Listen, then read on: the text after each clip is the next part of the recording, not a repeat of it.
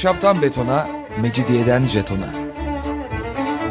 Alameti kerametinden menkul kent hikayeleri.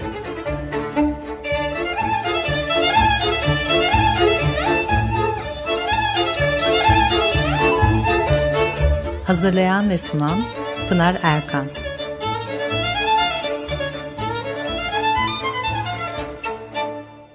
Efendim merhabalar. 94.9 frekanslı açık radyoda ahşaptan betona, mecidiyeden jetona tam şu anda başlamış bulunmakta. Anlatıcınız ben Pınar Erkan. Yaklaşık yarım saat burada olacağım. Ee, bakalım bugün programımızda ne var? Yılbaşı kutlamak bir mesele oldu epeydir. Her kafadan bir ses çıkıyor. Kimsenin de bir şeyden haberi yok. Kimsenin bir şeyden haberi yok derken sokaklar insan dolu malumunuz. Böyle memleket cart diye ikiye bölünüp adet, gelenek vesaire üzerine itişmeye kakışmaya başlayınca yapılan konuşmalardan, yorumlardan, e, tepkilerden veya savunmalardan anlaşılıyor ki yani bir şeyi savunacaksak veya karşı çıkacaksak onunla ilgili bilgi sahibi olmalıyız. Ne kadar basit bir şey söylüyorum ama bilgi sahibi olmadığın konu hakkında konuşma. Bir şeye karşı çıkacaksan onu öğren. Mümkünse derinlemesine öğren. Belki de karşı çıkmaktan vazgeçerken bulursun kendini. Öğrenmek bazen anlamayı beraberinde getirir. Anlayınca bazen kendini karşındakinin yerine koymayı da becerirsin. İçimizdeki şeytanları kovabilirsek eğer belki birbirimizi severiz bile. Bunları geçen Kurban Bayramı'nda milletin birbirine nasıl hönkürdüğünü düşünerek söyledim ve bu ayın sonuna yaklaşırken giderek ağırlaşan ve çirkinleşen dozlarda yılbaşı kutlamaları için söylenecek olanları. Ee, yılbaşı kutlamak güzel bir gelenek. Yeni yıl için, gelen yıl için umutlanmak, yeni başlangıçlar ummak, sevinmek filan. Hoş parasızlıktan terlik kemirenlerin çoluğunu çocuğunu işkencelere, ölümlere, ekonomik krizlere kurban vermişlerin elbette yılbaşına heyecanlanacak lüksü kalmamıştır üzerimize koyu umutsuzluk bulutları çökmesini istiyorum. Onun için böyle söylüyorum. Her şeye rağmen tüm olumsuzluklarla baş edecek gücü kendimizde bulmak zorundayız diye e, düşünüyorum. Öyle Musevilerin e, Hanukasından, Ermenilerin Surp Sununtu'ndan filan haberimiz olamaz zaten. Politik unutturulmalara gereksinimimiz yok bunun için. Musevilerin Hanukasını, Ermenilerin Surp Sununtu'nu bilmek bizi modern yapmaz. Bunları biliyoruz diye havada atamayız. Ancak Noel'i bilmek yükselen bir eğilimdi son yıllara kadar. Bunun da nedenleri var. Tabii bir de artık neredeyse dinsel bir gün olmaktan çıkıp sosyal bir kutlamaya e, dönüşmüş. Çok kimse e, 24 Aralık gecesini İsa'nın doğum günü olarak bilir. Halbuki İsa'nın doğum günü yok. Kutsal kitapların hiçbirinde böyle bir bilgi geçmiyor şundan bundan yola çıkılarak yapılan bir takım hesaplamalar var. Onlarda da muhtemel doğum tarihi aralığın yakınından e, geçmiyor. Her yıl 6 e, Ocak gününde birkaç şey bir arada kutlanıyor. İsa'nın doğuşu, 8 günlükken sünnet oluşu, 40 günlükken mabede sunuluşu, 12 yaşındayken din adamlarıyla konuşması ve 30 yaşındayken vaftizci Yahya tarafından vaftiz edilişini e, kutluyorlar. Hepsi bir arada. Noel kutlaması dediğimiz şeyin e, geçmişi binlerce yıl öncesine gidiyor bir pagan adeti. Roma'da 24 Aralık gecesi ve 25 Aralık günü güneşin yükselişine göre değişik eğlenceler düzenliyorlar. E, ışık güneşin sembolü kabul ediliyor. Roma'nın son dönemlerinde tanrılar giderek daha çok güneşle özdeşleşen özellikler kazanıyor. Aralığın sonu ocağın başı da winter solstice veya e, perihelion veya perihel veya gün berisi olarak e, adlandırılan bir zaman dilimi dünyanın güneşe en yakın olduğu zaman. Geceler bu tarihten itibaren kısalmaya, günler uzamaya yani ışık artmaya başlıyor. Çok önemli e, e, o eski insanlar için. Işığın artması, gündüzler, aydınlık e, pagan inanışına göre gündüz geceyi aydınlık veya ışık karanlığı yeniyor çok tanrılı dinlere inanıldığı devirlerde en önemli tanrılardan biri olan güneş veya e, güneşle ilişkilendirilen tanrılara kutlamalar yapılacak. Yapılıyor da. Ve e, Hristiyanlığın heretik yani sapkın saydığı kutlamalar elbette bunlar. Fakat insanlar e, vazgeçmiyor bu adetlerinden, geleneklerinden. Bakın üzerinden binlerce yıl geçti. Hala çok tanrılı inanışların olduğu dönemlerden kalan adetler devam ediyor. Helva kavurmak gibi. Cenazenin e, yedisinde, kırkında, elli ikisinde dua okutmak, yiyecek dağıtmak gibi. E, sayısız örnek var tabii bu konuda. Evet insanların adeta genlerine işlenmiş. Bunu anlamak lazım. Kurban kesmeye karşı çıkarken de anlamak lazım. Yılbaşı kutlarken de anlamak lazım. Diğer adet, ibadet ve benzeri şeyler için de geçerlidir. Binlerce yıldır değişerek, şekil değiştirerek devam etmiş adetleri öyle ilkel filan diyerek üç günde bitirip atamazsınız. Onun e, kaynağının nereden geldiğini, nasıl evrildiğini, dönüştüğünü bütün bunları e, öğrenmek gerekir. Koskoca bir uygarlık tarihi bunlar için yapılan savaşlarla dolu. Çok tanrılı inanışları bitirip bütün Avrupa'yı meydana getiren barbar kavimlerini Hristiyanlaştıracaklar diye neredeyse bin yıl savaşmışlar. Orta çağ budur ve öyle bitmiştir. Ee, insanoğlu bizim zannettiğimiz gibi modernleşmiyor, medenileşmiyor. Uygarlaşmak öyle kolay bir şey değil ve ayrıca uygarlaşmak veya uygarlık ne demek onu da elbette düşünmek, tartışmak lazım. Jean-Jacques Rousseau ipe gidiyordu bu tartışmalar yüzünden. Bugün de benzer durumlar söz konusu. Demek ki e, uygarlıkta kat edilen o kadar büyük mesafe yok. Batı içinde, doğu içinde aynı şey geçerli. Hristiyanlığın yayılması da bir mesele o devirde. Çok tanrılı e, dinlerinden vazgeçmiyor insanlar kolay kolay veya adetlerinden vazgeçmiyorlar. O nedenle Hristiyanlık bazı pagan adetlerini kullanmıştır. Ee, Hristiyanlığı yaymak için. Noel e, kutlaması, doğum günü kutlaması, Paskalya bunlardan sadece bazıları. Doğum günü kutlaması Hristiyan adeti değil e, pagan adeti. O nedenle bu kutlamaların hiçbiri Ortodoks Hristiyanlar tarafından hoş karşılanmaz. Hele e, Püritenler son derece katıydı bu konularda ayrıca. Mesela İngiltere'de 1600'lerde e, Noel kutlamak yasaklanmıştı. 25 yıl kadar da sürdü bu yasak. Milattan sonra 354 yılından itibaren Roma Kilisesi Noel'i kabul ediyor. Paganları Hristiyan dinine çekmek de bir neden bunda. E, kilise yollar arıyor Hristiyanlığı yaymak için. İstanbul'daki kilise ise aradan epey zaman geçtikten sonra bu uygulamanın emrini çıkarmış. Bu gece ve e, gün 597 yılından sonra Christmas olarak e, adlandırılıyor. Ermeniler ise yeni yılı ve İsa'nın doğumunu 6 Ocak'ta Surp Sunut gününde kutlamayı e, sürdürüyor. Noel Baba'nın e, ortaya çıkışı ise daha da iyi. Demreli, Sen Nikolas'ı herkes biliyordur herhalde.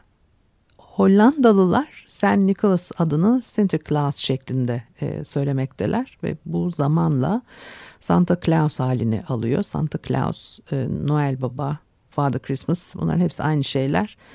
E, Noel sözcüğü Nativitatis veya Natalis sözcüğünden türetilmiş Hristiyan kiliselerinde ekmek ve şarap ayinine mas denmekte ve İsa'nın ismi olan e, Christ'la birleşince işte Christmas çıkıyor ortaya. Şimdi gün gördüğünüz gibi Noel kutlamalarıyla e, Noel Baba birbirinden biraz ayrık.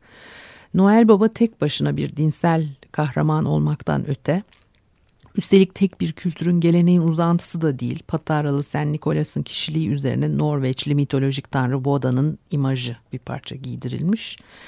Norveç'in mitolojik tanrısı Vodan, beyaz atıyla dünyanın etrafında uçabilen kutsal bir kişi. Noel Baba'nın uçan yapısına istinaden birçok tanrıya tapan e, paganların armağanlarını tutuşturmuşlar garibin eline. E, sonra Türklerde de var aynı şey. Bir başka anlatım da şu. Noel Baba'nın 8 ren geyiği tarafından çekilen uçan arabası yok mu? İşte o e, William Gelly'nin bir çocuk şiirinden esinlenilmiş. Zaten çok bildik bir Noel Baba vardır aklımızda. İsveçli bir ressam bir ilan tasarlıyor bir gazlı içecek firması için. 1931 yılında sevimli bir ihtiyar adam olarak e, e, çizmiş Noel Baba'yı.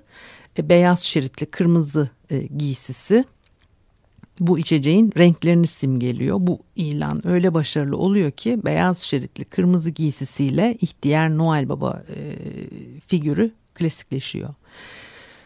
Hristiyanlıktan önce Avrupa kıtasında yaşayan putlara ve güneşe tapan insanların 25 Aralık'ta birbirine verdikleri armağanları bir tarihten sonra Noel Baba e, getirmeye başlıyor. Hristiyanlık e, varlığını sürdürebilmek ve yayılabilmek için paganlara birçok ödün vermek zorunda kalmıştır. Birçok pagan geleneği ve bayramı Hristiyanlıkla harmanlanmıştır. Hristiyanlığa mal edilmiştir. Eskiden Anadolu'da baş tanrıça Kibele ve bu tanrıça Anadolu'dan hemen hemen bütün yakın doğuya yayıldı. Kibele hayat ve e, bereketin tanrıçası, bütün tanrıların, insanların ve e, vahşi doğanın anası sayılıyordu. Sanat yapıtlarında Kibele'de güçlü bir e, doğurganlık göze çarpar. Ana tanrıçanın bir biçimde Sümerlerden e, Anadolu kültürüne geçtiği söylenir. Kibele'nin kocası Atis. Genç ve yakışıklı bir delikanlıymış. İnanışa göre kışın ölüyor ve ilkbaharda yine diriliyor. Atis'in her yıl ölüp dirilmesi bitkisel yaşamın mevsimlere göre solup ıı, dirilmesini simgeler. Atis Suriye'ye geçince adı Efendimiz anlamında Adon olmuş. Hatta Tevrat ve Zebur'da tek tanrıya Adonay diye seslenilir. E, Suriye'de her yıl kışa doğru Adon'u bir yaban domuzu öldürmekteydi. Bundan dolayı Samilerde domuz eti lanetli sayıldı ve yasak edildi. İlkbaharda Hıdrellez ve Nevruz Sultan şenlikleri ve ilkbahara doğru Paskalya yani İsa'nın yeniden doğması, Temmuz'un doğuşu festivalinin kalıntıları, Ana Tanrıça Kibele Anadolu'ya Sümerlerden geçti dedim ya. Sümerler Kibele'nin kocasına Atis demiyorlardı. Temmuz diyorlardı. Temmuz'un yeniden dirilişi kutlanıyordu ve kutlamalarda yapılan ayinler vardı. Köyün en yakışıklı delikanlısını ev ev gezdirirlermiş. Delikanlıya damızlık denilirmiş. Bu sözcük Temmuzluktan gelmekte. Temmuz, Adonis ve Atis hepsi aynı şey. Farklı kültürlerde e, aynı tanrılara e, verilmiş farklı farklı isimler. Şimdi paganlıktan kurtulmak kolay olmamış. Hristiyanlığı kabul edenler Adon'un ilkbaharda doğuşu festivalinden bir türlü vazgeçemedikleri için kilise büyükleri İsa'nın ölümünden sonra diriliş gününü ki bu e, Paskalya yoğurtusudur. Baharda Adonis'in doğduğu güne denk getirmişler. Tıpkı 6 Ocak kutlamalarının bir kısmının 24 Aralık'a çekilmesi gibi. Atis ya da Adon doğdu diye büyük şenlikler yapılırmış. Tanrı'yı simgeleyen küçük bir heykel özellikle nehirde yıkanırmış. Böylece de dünyada vaftiz e, ayininin e, temeli atılmıştır derler. Kibele de adı Hübel'e çevrilerek Mekke'ye e, götürülmüş, Kabe'ye dikilmiş. Kabe'ye konulurken bir kolu kırılıyor ve Kureyş kabilesi ona altın bir kol takıyor ve Kibele'nin çevresinde tavaf ediliyor o dönemde. Kıble sözcüğü Kibele tanrısının adından gelmektedir. Kibele'yi simgeleyen bir taş var. Konik bir taş bu. E, koni biçiminde taşlara Anadolu'nun güneydoğusunda çok rast gelinir. Filistin, Suriye, e, Güney Anadolu ve Kıbrıs'ta koni biçimindeki taşlara zeytinyağı sürülürmüş festival günlerinde. Bu arada Mekke'de e, Kabe'deki Sibel Puttu'na da e, yağ sürülürmüş. Hazreti Muhammed Kureyş'e karşı bağırıyor. Bu putun suratına zeytinyağı sürdüğünüz zaman sinekler yapışıyor buna nasıl tanrı diye taparsınız diye. Bu gelenek yakın geçmişe kadar devam etmekteymiş. Örneğin Kıbrıs'ta 1950'lerde hem Müslümanlar hem Hristiyanlar Meryem Ana yortusunda oradaki yıkılmış Afrodit tapınağının toprak üstünde kalmış köşe taşına zeytinyağı sürerlermiş. Gelenek işte böyle bir şey şekil değiştirerek anlam değiştirerek devam ediyor gelenekler. Bazen neyi neden yaptığımızı nereden kaynaklandığını bilmiyoruz ve dinleri e, meydana getiren kurallar ve ibadet biçimleri bir anda yoktan var edilmemiş insanlar alışkanlıklarından e, kolay vazgeçmediği için birçok şey uyarlanmış. E, bunları da ben uydurmuyorum. Birçok kaynakta bulunabilen bilgiler bunlar. E, bir şarkı dinleyelim ondan sonra devam edelim.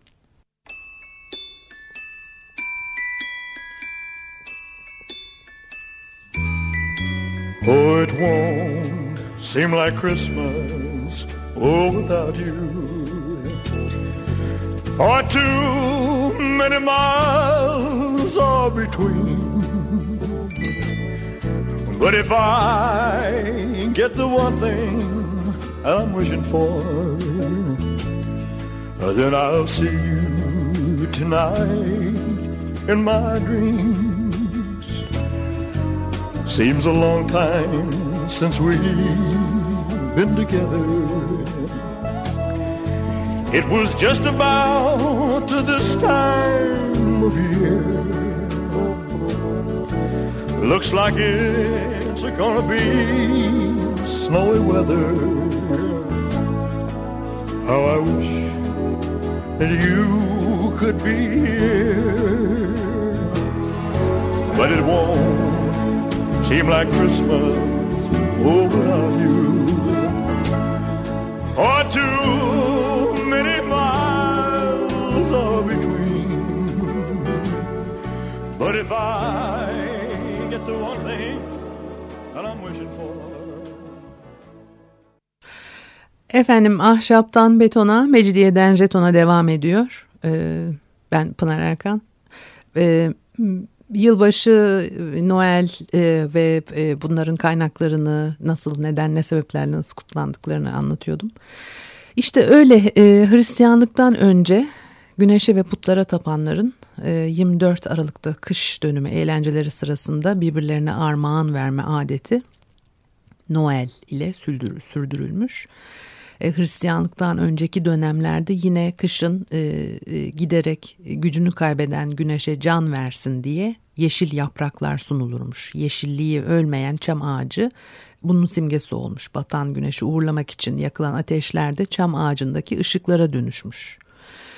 Bir başka biçimde şöyle anlatılır. Noel ağacı Ren Nehri kenarında hiç sararmayan cennet ağacı olarak biliniyor. Adına ilk kez 1521'de rastlanmış. Her zaman yeşil olmasının uğruna inanılırmış. Çok eskiden dallarına kırmızı elmalar asılırmış. Noel e, renklerinin kırmızı ve yeşil üzerine kurulması da bundan. İlk defa Orleans Düşesi tarafından 1837'de Paris'e Tülye Sarayı'na sokulmuş.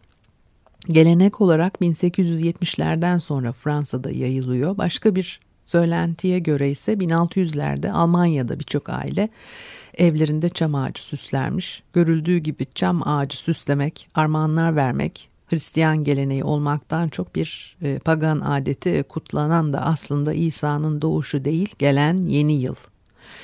Bizim e, ülkemizde yılbaşı kutlamaları daha çok kentli bir gelenek gelenek elbette en azından 60 yıldır yılbaşı kutlanıyor ve bu bir töreni, bir kutlamayı, bir uygulamayı gelenek yapmaya yetecek kadar uzun bir süredir.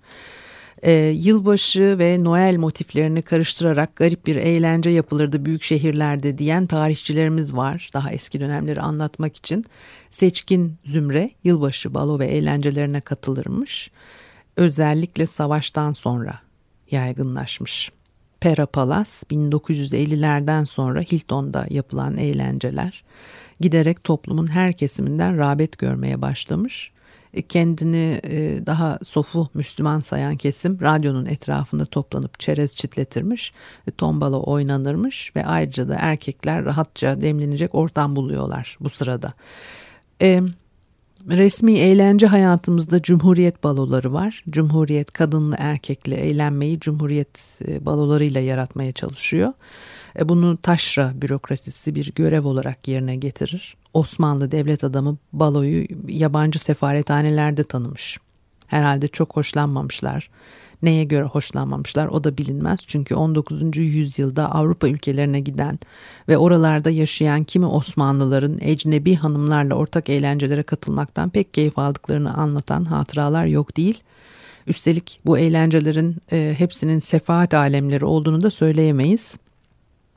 E, ikinci meşrutiyet yıllarında bazı balolar yapılmış. Herhalde yabancılar da davet edilmiş. İttihat ve Terakki Cemiyeti'nin önde gelenleri, onların eşleri, karı koca ortada bir dönüyor ve balonun e, gerisi bugünkü hal, e, hal hatır sormayla geçiştiriliyor. Osmanlı Sarayı'nda ise hiç benimsenmemiş bu adet. Toplumun yaşam biçimini değiştirmek her şeyden zor. E, günümüzde ev ziyaretlerinde bile birlikte başlanan gecede biraz sonra erkekler bir yana kadınlar bir yana toplanmaz mı? Ee, bir de Nardugan Bayramı var. Eski Türklerde yerin göbeğinden göğe kadar bir ağaç tasavvur, e, tasavvur ediliyor. Bu hayat ağacı Sümerlerde de var. Bir ucunda gök tanrısı duruyor. Türklerde e, e, e, güneş kutsal ama tanrı olarak kabul edilmiyor. 22 Aralık'ta güneş yeniden daha çok dünyayı aydınlatmaya başlayacak. Günler uzamaya başlayacak. Türklerin gök tanrısı gün ile geceyi düzenliyor gökte. Sözde gün ile gece sürekli münakaşa halinde. 22 Aralık'ta gün geceyi yeniyor ve bunu yeniden doğuş bayramı olarak e, Türkler kutluyorlarmış. E, Türkistan'da bir ağaç var, akçam ağacı ve bu akçam başka yerde yetişmiyor, sadece orada yetişiyor. Akçamı e, getirip eve koyuyorlar altına o sene Tanrı onlara güzel şeyler verdi, güzel bir yaşam verdi diye hediyeler koyuyorlar Tanrı için. Dallarına da ertesi sene için Tanrı'dan diledikleri şeyler adak olarak istedikleri şeyler için paçavra veya kurdela koyuyorlar. O günlerde e, büyük bayram ve şenlik yapıyorlar. Aileler toplanıyor, büyükler varsa ziyaret ediliyor, özel yemekler yeniyor, güzel elbiseler giyiliyor. Altı aylarda çam ağaçları kutsal sayılıyor. Bayram önce dünyanın merkezinde tanrıların ve e, ruhların dinlendikleri yerde yaşayan Yersu'ya adanıyor. E, Yersu'nun yanında gür beyaz sakallı bir ihtiyar olan Ülgen bulunurdu. Ve insanlar onu daima zengin kırmızı kaftan içinde gördüler. Ülgen aydınlık ruhların reisi o altın kapıları olan altın yeraltı sarayında altın bir taht üzerinde e, oturuyor ve e, güneş ve ay da ona itaat ediyor. Çam bayramı kışın en soğuk zamanında kara kışta 25 Aralık'ta yapılıyor. İşte yine günün geceye galip gelmesi var burada da. Ve güneş toprak üzerinde biraz daha uzun süre kalıyor artık. İnsanlar ülgene dua ediyorlar. Güneşin dönüşü için ona teşekkür ediyorlar. Duaların işitilmesi için ülgenin sevgili ağacı olan çam süslüyorlar. Çamları evlere getiriyorlar. Dallarına parlak kurdeleler bağlıyorlar ve yanına da hediyeler yığıyorlar. Bütün gece e, güneş karanlığı yendiği için eğleniyorlar ve Koraçun Koraçun diye bağırıyorlarmış. Böylece bayramı e, Koraçun diye adlandırıyorlar. Bu söz eski Türklerin dilinde azalsın manasına geliyor. Yani gece azalsın gündüz artsın demek istiyorlar. E, çamın etrafında sabaha kadar İnderbay adı verilen bir halka e, oyunu oynanıyor. İnsanlar güneşi e, sembolize eden daireye katılıyorlar. Böylece semavi ışık vereni yani güneşi geri dönmeye çağırıyorlar. Herkes en mahrem dileğin esrarengiz bir gecede değişmeden gerçekleşeceğine inanırmış. Gerçekten de Ülgen en büyük, en büyük dileği hep yerine getirirmiş. Dileyenleri hatta bir kere olsun mahcup etmemiş. Bayramdan sonra bu en büyük dilek gecenin daima kısalması. Kızıl güneş ise hep gökyüzünde daha uzun, daha uzun süre kalmış. Çam ülgenin ağacı diye adlandırılıyor. Tanrıların ve ruhların yeraltı dünyası ile insanların dünyasını birbirine bağlıyor. Çam ok gibi yukarıya gökyüzüne çıkan yolu gösteriyor ve e, Rusçadaki daroga yol demek ve put yol manasına gelen Türkçe yol kelimesi buradan. E, e, yani bunca yüzyıl geçti ama eski bir bayram unutulmadı. Yeni yıl ağacı, çam bayramı bugün de aynı. Ülgen gerçekten yeni bir ad Ayazat'a aldı. Fakat onun bayramdaki rolü ve e, kıyafeti de yine aynı kalıyor. Ayazat'a Türk ve Altaylarda soğuk tanrısı. Ülker Burcu'nun altı yıldızı göğün altı deliğidir ve oradan soğuk hava üfler. Böylece de kış gelir. Bu arada kaftan, şapka, kuşak, deri çizme yani Ayaz Ata'nın kıyafeti de eski Türklerin gardırobundan. Onlar tıpatıp böyle bir kıyafet içinde dolaşıyorlarmış. Ülgen efsanelerin söylediklerine göre bazen kılık değiştirirmiş. O zaman erlik adını alıyor veya yerlik. Bununla birlikte Erlik'in e, Ülgen'in kardeşi olduğu da e, söylenir. Eski Türklerde Ülgen ve Erlik iyiliği ve kötülüğü, ışığı ve karanlığı temsil ediyorlar. Onun için 25 Aralık'ta bütün insanlar hatta en kötüleri bile iyi ve cömert olmaktaydılar. Bu tarihte erlik kötülük sembolü o e, torba içinde hediyeler getiriyor. En kötüler bile iyi ve cömert olmuş ya çocuklar seviniyor filan ve e, şarkılar söylüyorlar, tekerlemeler söylüyorlar. Bir de şöyle okudum bir yerde. Neden insanlar kış dönümünde evlerine çam ağaçları getirip dalları altına sevdikleri için kırmızı beyaz ambalajlara sarılmış paketler bırakıyor? Çünkü çamın altı doğada en kutsal olanın Yani Amanita muscaria'nın bulunacağı yerdir. Bu da size bilmece olsun. Kışın çadırların kapıları kapalı olduğu için şamanlar hediye niyetine Amanita muscariaları çadırların tepesindeki açıklıklardan, bacalardan atarlarmış içeri. Çadırlar Orta Asya çadırları, eski Türk gelenekleri diye de bunları kastediyorlar. Program bitti. Hoşçakalın.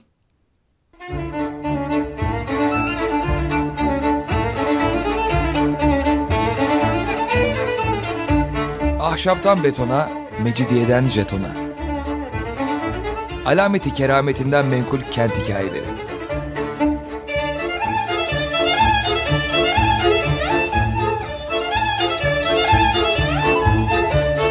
Hazırlayan ve sunan Pınar Erkan.